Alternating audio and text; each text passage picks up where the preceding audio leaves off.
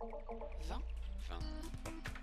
Éteins la télé maintenant Il est 20h. Radio Campus Paris.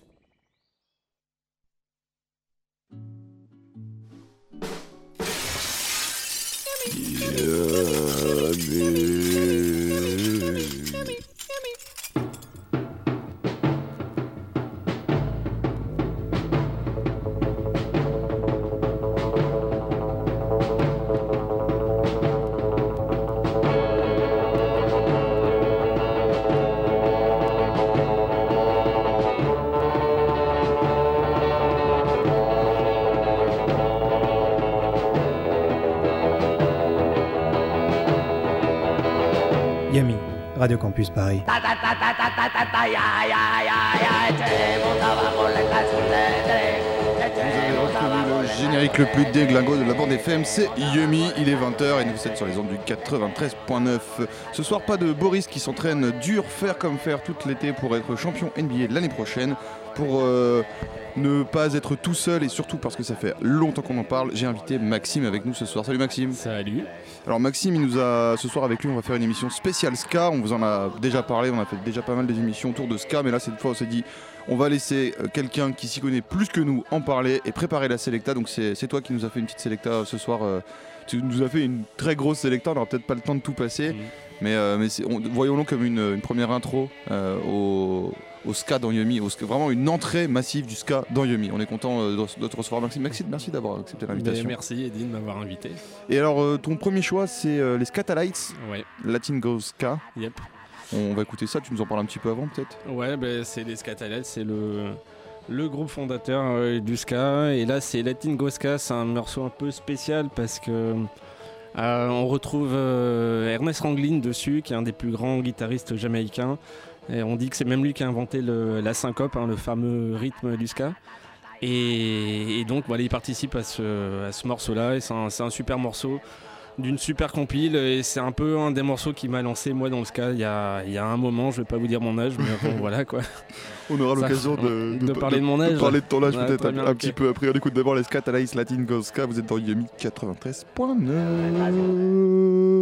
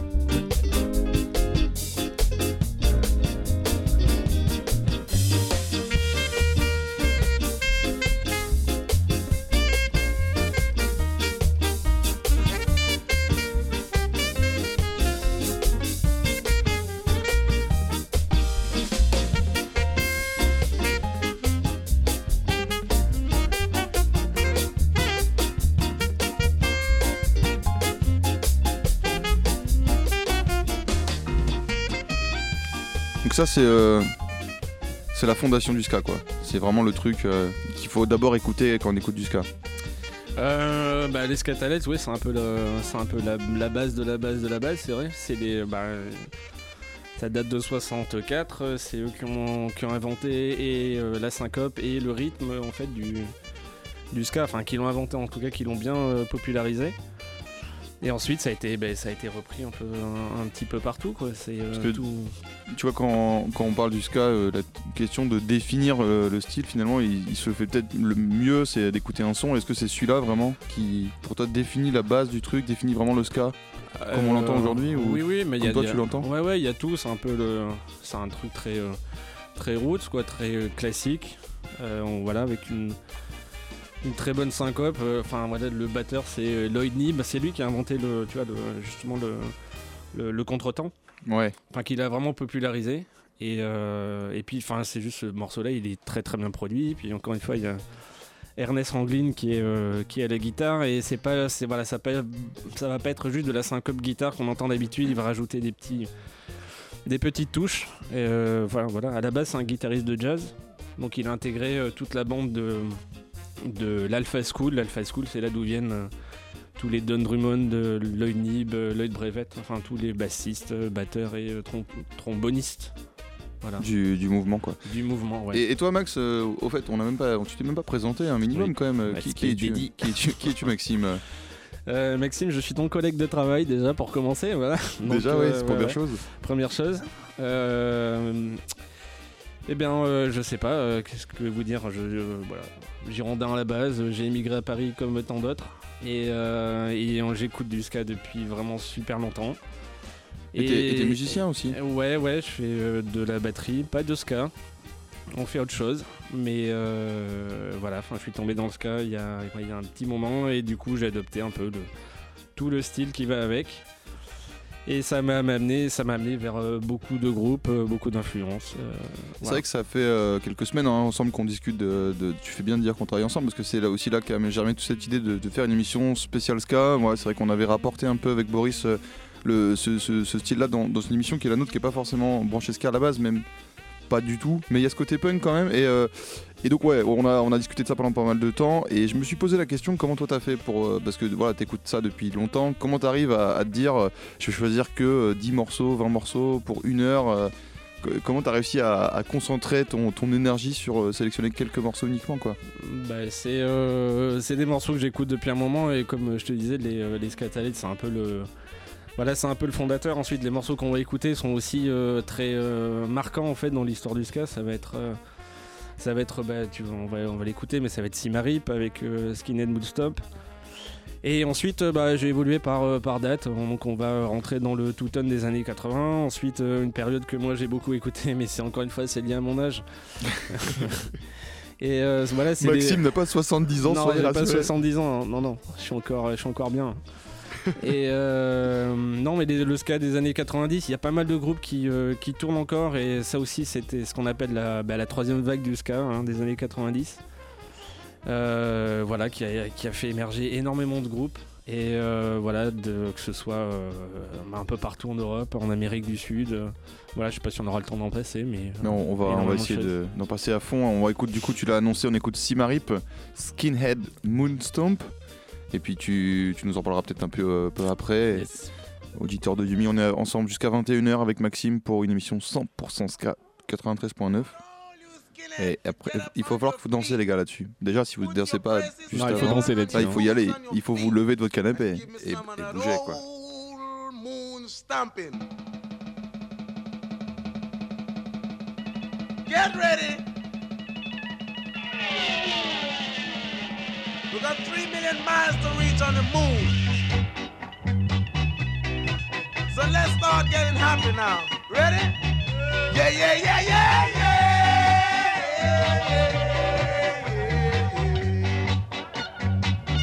Yeah, yeah, yeah, yeah, yeah.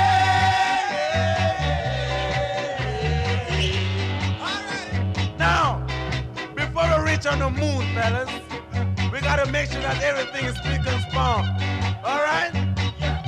You gotta make sure you shine your boots, brush your teeth, Because the man on the moon looking different from man on the earth. That's what I say, boy. Now remember, I'm your boss, Skinhead speaking. My name is Caleb. All right. Right. And remember, I'm the boss. You can see, look on my foot or my feet, whatever you want to call it. You can see I've got the biggest boots. That's all right. Now, when I say sing, I want everybody to get in the groove and start singing because we're on the moon. Ready? One time.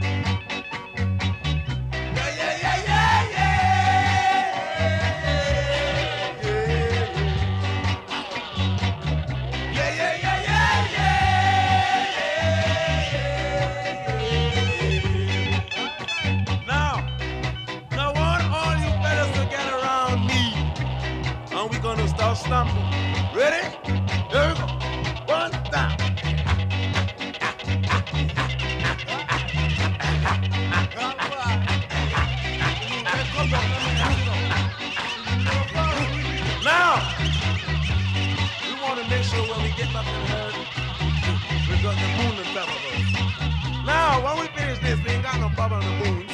wait till we get back to the to have a drink. Okay? All right. Now, we want to make sure that everybody's still in the groove when we get back. So let's start singing one more time. Ready? Yeah, yeah, yeah, yeah, yeah.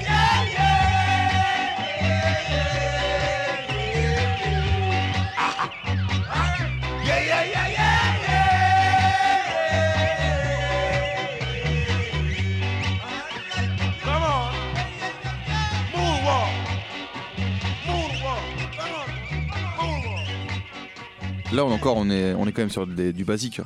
Genre les bases, là, non Euh, oui, on est les bases sur. On est... Simarip. Ouais, Simarip, on est sur les bases du euh, ce qu'on appelle le skinhead reggae. Euh, c'est l'époque où en fait les, ben, le mouvement skid se développe après les après le mouvement mods et commence à adopter le, le ska et c'est là où on voit la jonction entre la jeunesse ouvrière anglaise, la jeunesse ouvrière jamaïcaine qui a immigré, qui a migré avec son son, qui est venu avec son son. Et ben, les deux, se- voilà, les deux se- s'unissent, commencent à adopter des, euh, des, des codes vestimentaires euh, voilà, qui sont encore euh, d'actualité euh, d'actualité aujourd'hui, que, voilà, que les gens qui écoutent du ska portent. Et voilà, ça a donné quelque chose de, quelque chose de, de- de super bien. On, on sent un peu tu vois, de- dans l'intro l'agressivité du, du refrain. Elle est, bah, donc c'est ce mélange-là. quoi. Voilà. Et on, on continue avec euh, Ranking Full Stop? Non, non. De, de- Non, pas du tout. Ah non. Engine 54. je, je, je repère mes mots, tu vois. On continue avec Engine 54 de The des- Ethiopians. des The Ethiopians. Ouais. Là, on passe sur un autre Bah, truc. c'est un, ouais, c'est un autre registre. On n'est plus, euh, on n'est plus en Angleterre. Euh, là, on reste en Jamaïque et on rentre euh, à partir des années euh, euh, 69, ouais, 69 euh, de l'année 69 sur du rocksteady avec plus de, plus de chants, plus de chorus, plus de, plus de mélodies. En fait, moins sec que le, le- moins sec que le ska, plus, plus orienté par la, la soul, euh, soul américaine, quoi. Eh Voilà. ben, écoute, on illustre tout ça tout de suite avec un morceau de The Ethiopians, Engine 54, 54, pour ceux qui 54. n'avaient pas.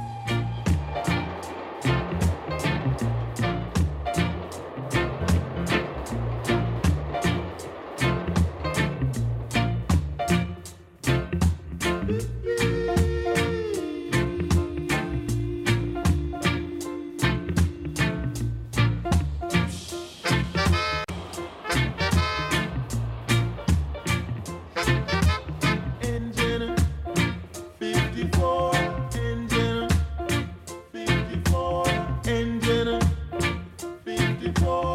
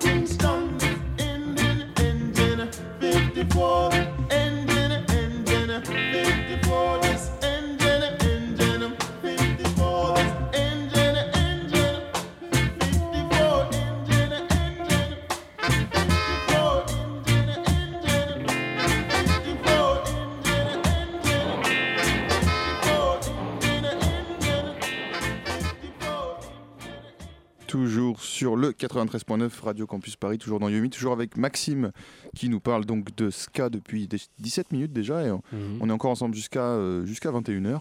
Merci Maxime à nouveau d'être d'être avec nous. merci, espèce de Eddie. Et on passe, euh, on passe sur. euh, on va monter chronologiquement, puis on arrive, euh, on arrive en Angleterre en fait. On est, enfin, on est vraiment po- posé en Angleterre là, ça y est quoi. Ouais, dans le prochain morceau, là, on, ouais, effectivement, c'est des, bah, les années 90, quoi. Le, euh, bah, le moment où le- l'Angleterre adopte euh, le ska, un petit peu euh, toute, toute l'Europe, c'est ce qu'on appelle le mouvement Tooton avec bah, The Specials qui sont un peu à l'origine de ce mouvement, parce que le, voilà, le, le claviériste qui s'appelait Jerry Dammers a inventé le, label Tooton qui, lui, a produit énormément de, groupes. Et parmi ces groupes-là, il y a donc le groupe qu'on va écouter qui s'appelle The Beat, euh, qui est moins connu que les Specials ou Madness, mais qui a produit beaucoup de bonnes choses. Et voilà, c'est un ska, euh, bah, qui se distingue par un peu sa, rapidité. Il n'y a pas de cuivre ou très peu. Donc euh, assez influencé par le, bah, voilà, le rock, tout le rock des années 80 aussi, là-bas un peu, rude, un peu dur. Et bah, il y a aussi, aussi, ils ont germé beaucoup de, euh, beaucoup de petits groupes qui ont repris un peu cette, euh, cette humeur un peu, euh, voilà, un peu énervée. Et euh, quand même, parce que c'est vrai que tu l'as dit en antenne, on oublie de le dire, mais les The Ethiopians, le morceau, Engine 54, Ouais. ça a une histoire en fait. C'est ça, le nom du morceau. Ouais, c'est une histoire, ça, ça relate en fait le trajet qu'il y avait dans les années euh, 60 euh, entre Kingston et Montego Bay, qui est donc en Jamaïque. Et donc ils ont repris ce, ce train, c'est un train qui allait assez lentement et comme le morceau l'illustre bien, euh, c'est un morceau qui donne envie de, se- voilà, de se poser tranquillement. Et voilà d'où vient, voilà d'où vient le nom du, du morceau. Quoi. Et ben du coup, on continue, on revient sur ce qu'on disait sur The Beat Ranking Full Stop. Yep. Et là, on, on est sur, donc on est sur du two-tone en fait. c'est- c'est Ouais, ça, on hein. est sur du on tout sur un du peu plus, vous allez voir un peu plus, euh, un peu, un peu plus, un peu plus vénère. un peu plus vénère. Ouais. Alors Jumpé, 93.9. them.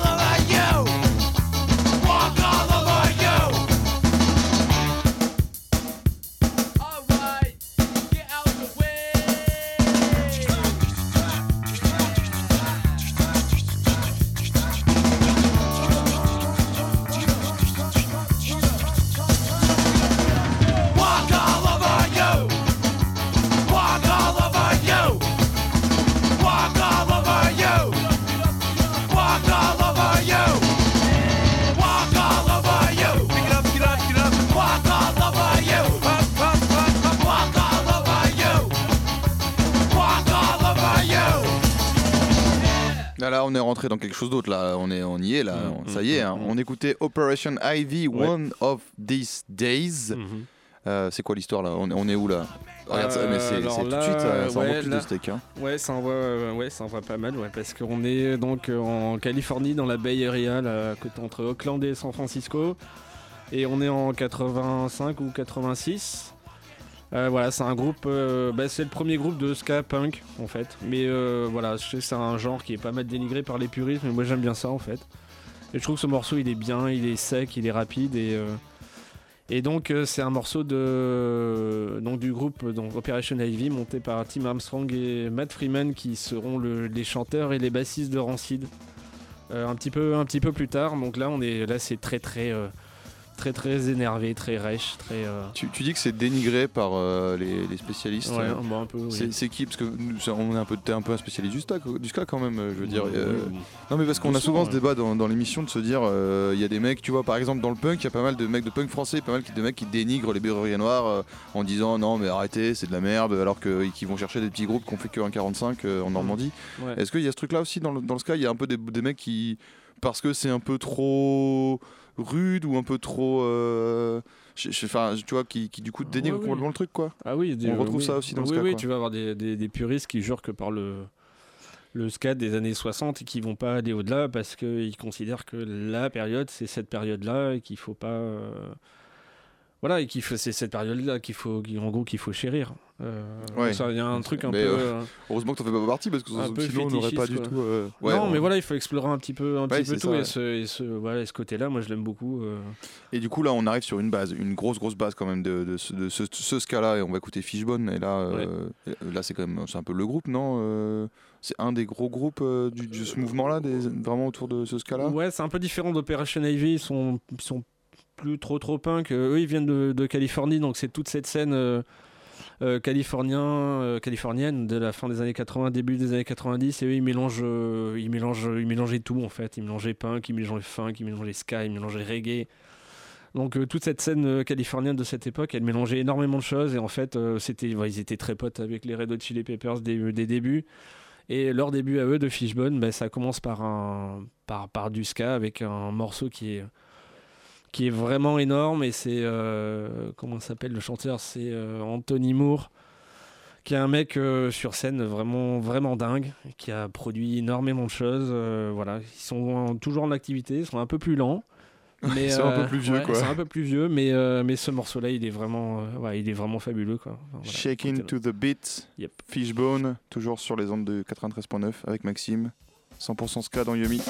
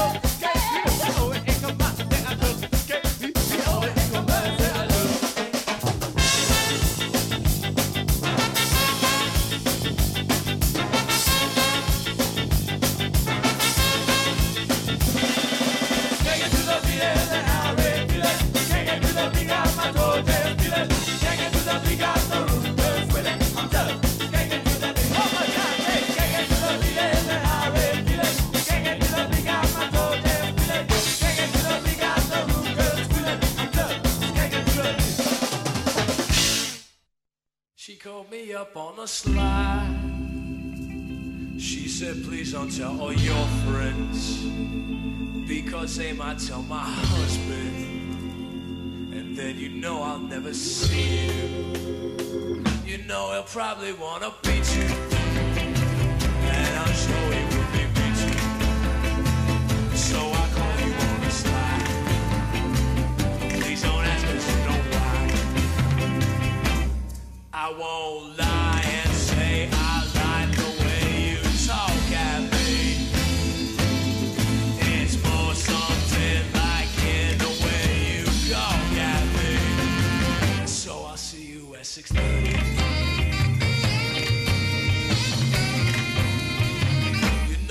know her only trouble.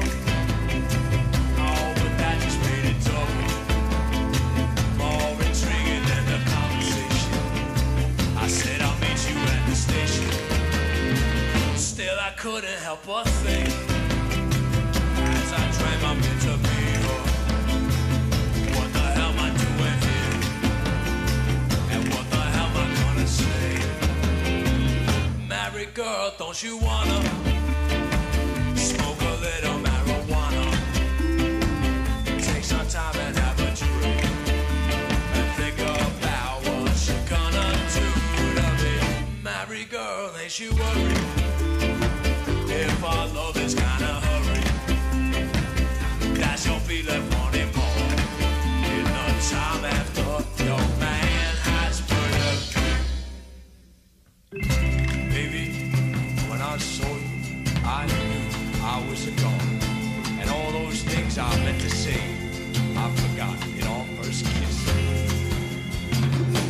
your husband in the river.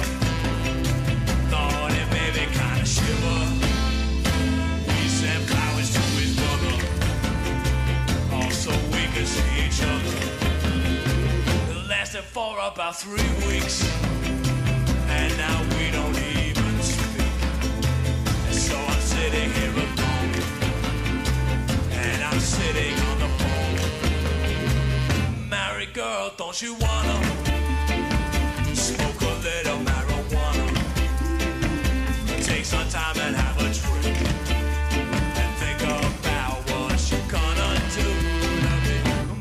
girl, ain't you worried? If our love is kinda hurried, that you'll be there wanting more. In the time after your man has murdered me, that you'll be left wanting more. In the time after your man has murdered me. Et là, c'était les Slackers avec Ouais. Married Girl. Mm. C'est quoi le, c'est quoi ce morceau de dingue là? C'est euh, c'est quoi ce groupe? C'est- vraiment, c'était très bien ça. Ouais, Enfin, c'est euh, très bien. hein, mais- ouais, c'est un de mes groupes euh, de ska favoris. Euh, c'est des New-Yorkais, ça s'entend un peu à l'accent. C'est un peu des. euh, quand tu les vois sur scène, des gros gros roublards. Ils sont, euh, ils tournent depuis très longtemps, depuis les années 90. Euh, voilà, bah, ce morceau, euh, voilà, je l'ai écouté énormément avec une certaine personne et euh, Qu'on salue. qu'on salue. Et, euh, et ils ont voilà, ils ont pas arrêté, ils arrêtent pas depuis les années 90, ils tournent tout le temps et c'est un voilà, c'est mélange hyper cool, hyper détendu. Enfin, tu vois, je sens qu'il y, a un- peu de patte euh, new-yorkaise quoi dans, le truc. Euh, c'est urbain, c'est un peu du ska tradi, mais pas, pas vraiment. Il y a cette voix que je trouve hyper chaleureuse là, du chanteur qui s'appelle Ludovic Ruggiero, euh, qui est claviériste aussi. Et euh, voilà, on les avait vus sur scène il y a, il y a deux ans et ça rassemblait énormément de monde. hein, du, euh, voilà, il y avait, il y avait des skins, il y avait des, des, des il y avait beaucoup, beaucoup de monde et c'était vraiment très, très chouette.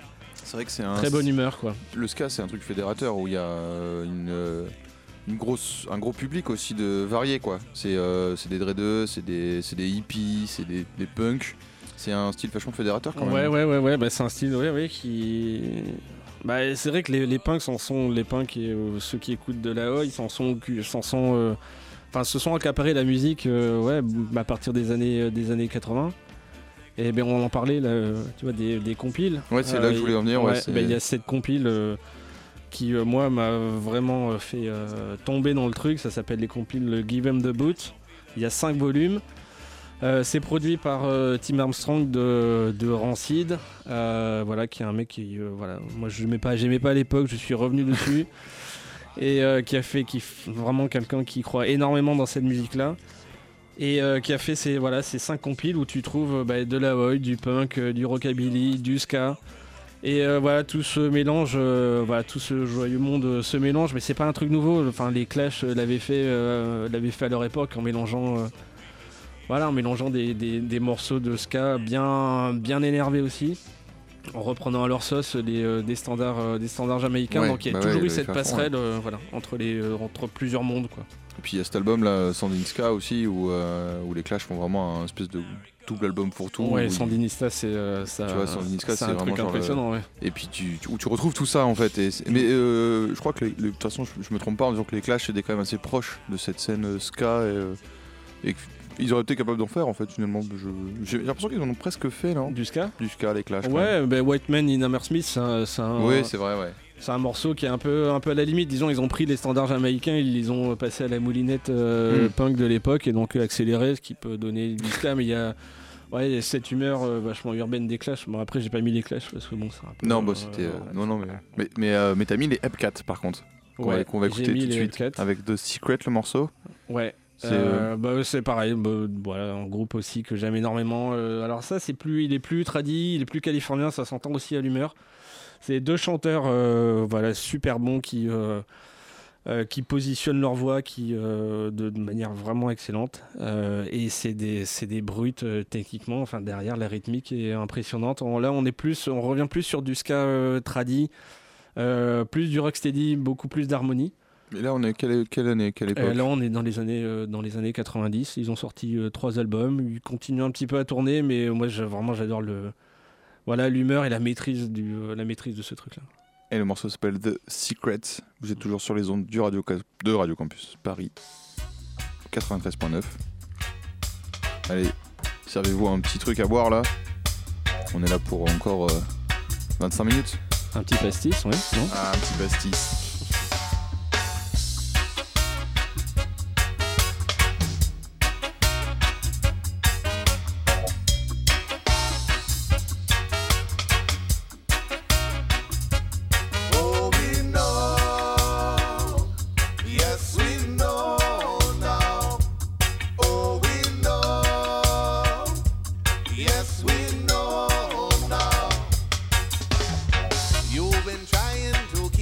A secret since you found yourself a brand new lover.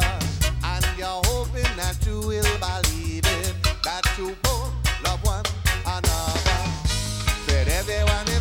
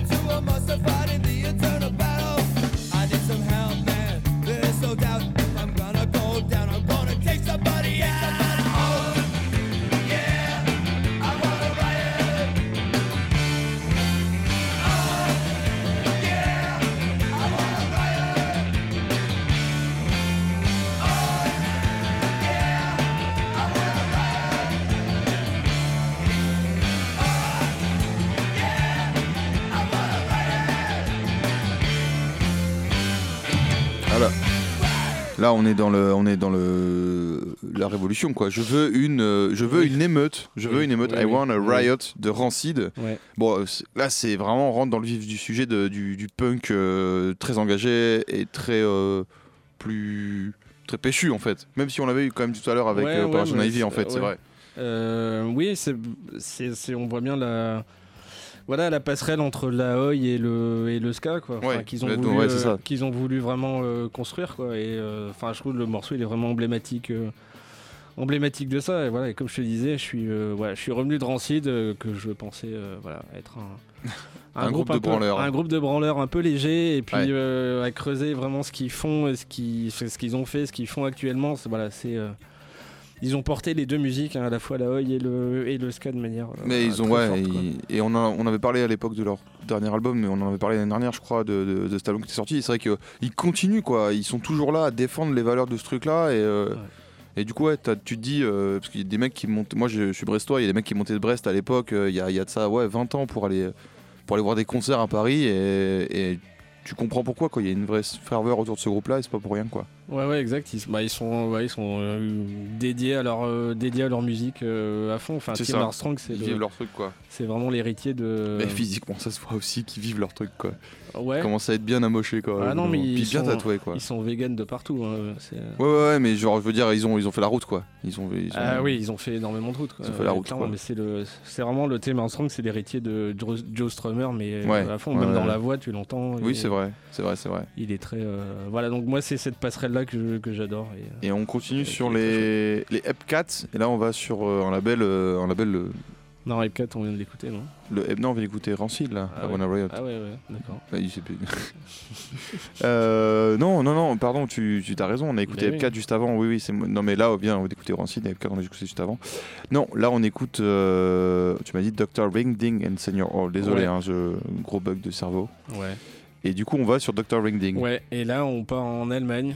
Euh, voilà, Dr. Hingding, c'est un joueur de trombone, un espèce de gars énorme, mais qui fait un, ouais, voilà, un très très euh, très très bon ska, un peu euh, mi-chemin entre le two-tone et du, voilà, du, du ska, du ska traditionnel, super bien entouré, très très bien produit. Et euh, enfin, vous allez voir l'intro, elle est euh, voilà, elle est, elle est magnifique. Il continue lui aussi encore sous un autre un autre nom, mais ils ont, ouais, ces mecs-là, ils, ils arrêtent pas en fait, hein, jamais. C'est des vrais, quoi. Ils vivent, ils vivent vrais, le ska, ouais. quoi. Ouais, mais toi non plus, t'as pas arrêté, en fait. Bah T'arrêtes non, toujours pas. non, donc. non, j'ai continué de les écouter quoi. Pas de raison qu'ils arrêtent, du coup. 93.9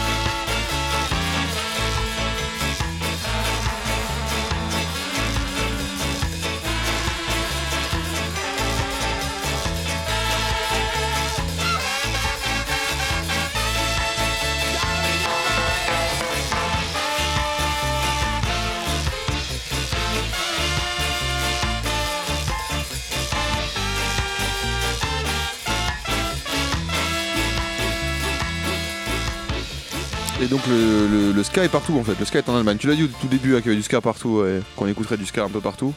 Ouais.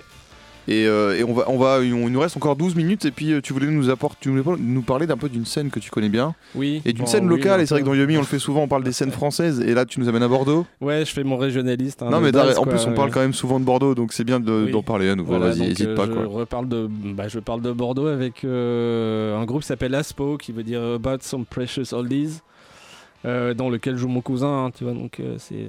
C'est la famille, quoi. C'est la famille.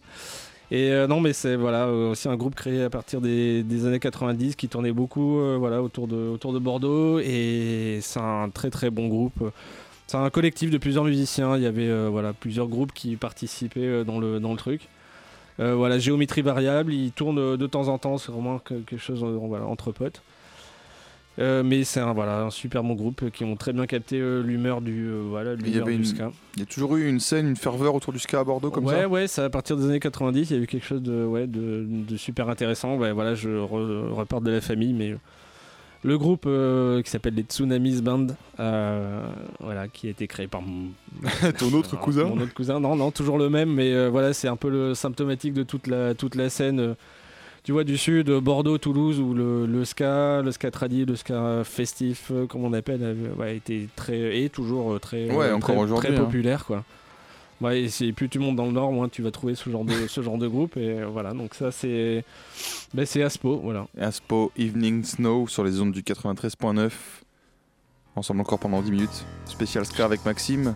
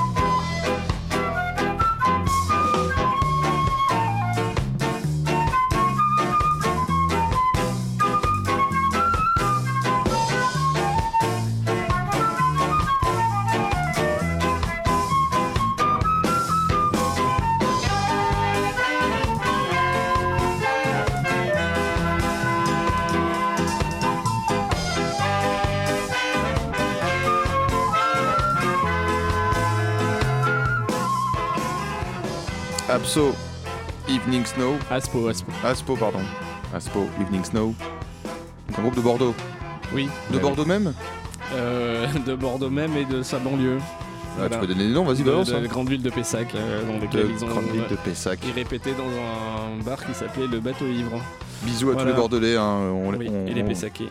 Et donc on, on finit cette émission sur, euh, sur un double voyage. Tu nous amènes en Allemagne, euh, tu nous amènes maintenant en Bulgarie. Et oui, en Bulgarie, un pays, euh, un pays qui m'est cher, hein, le pays de mon, un pays, euh, mon pays adoptif, on peut dire.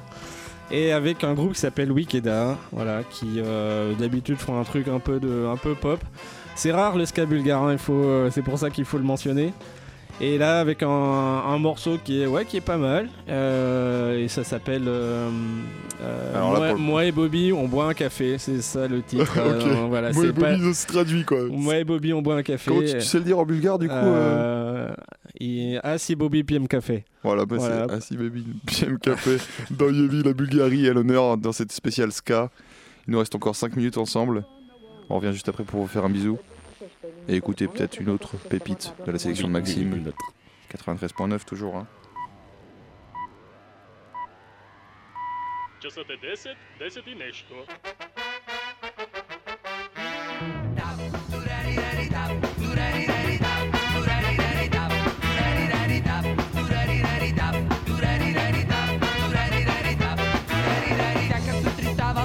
prvi pete нещо. Всяка сутрин ставам първи пете Някъде към 10, 10 и нещо И още не отворил гориливи очи Звънвам на Боби и излизам от къщи Сядаме в джаза, изтрепят сърцата Поръчвам кафете и проклинам съдбата Какво му направихме на Господ с Боби Да на изток от рая нас ни зарови А някой бачка до няколко часа Направиха пари какво от това и богатите понякога плачат. А тук ще огрее дидери кучия, кучия гъс.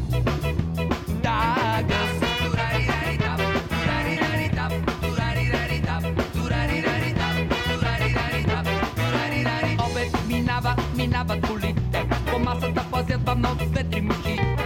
Ти с нами тука поглеждаме Боби, дай да палим гумите и към Хавай. Знаеш ли, брат, хората на запад, колко ти имат само за час. Толкова, че тука с тия парички, кафете ще жули четири пети. А нека работят здраво маймуните, не се става така лесно човек. А ние с Боби работим над себе си, работим над себе си и пием,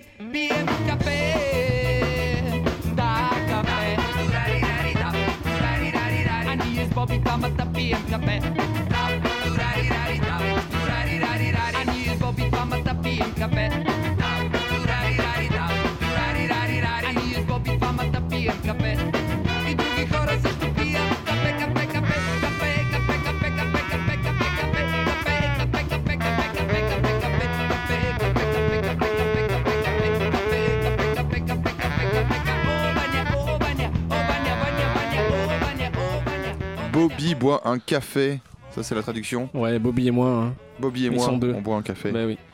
De Wikeda, donc du ska bulgare. Du ska bulgare, donc je suis un des rares à avoir passé du ska bulgare Je pense euh, que en le- France et je suis t'es trop peut-être- content. peut-être le seul, hein. Euh, non, non, euh, non. On fait un- vraiment on fait un, un gros bisou à tous les Bulgares qui nous écoutent. Ouais, et Ils doivent une pas en être particulier. nombreux, Non, mais non, euh, ouais, il y en a, mais il y en a. il y en a, tu Ouais, crois j'en ouais. connais bien, Ouais, on, les, on les remercie de nous quelques-uns, écouter, on est Mhm. bien contents. Ouais, et, ouais.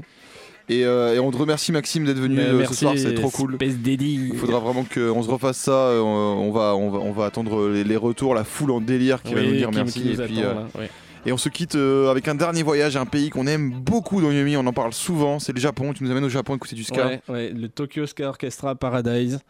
Un des meilleurs groupes hein, de, ska, de ska au monde, toujours en activité avec une pêche absolue, une maîtrise technique euh, de dingue. Enfin, à voir sur scène, c'est incroyable. Et là, vous allez voir l'intro, euh, donc euh, voilà, dansez parce que. Eh ben, on est parti. On se retrouve la semaine prochaine en attendant rester sale et écouter du ska. Merci Maxime. De rien.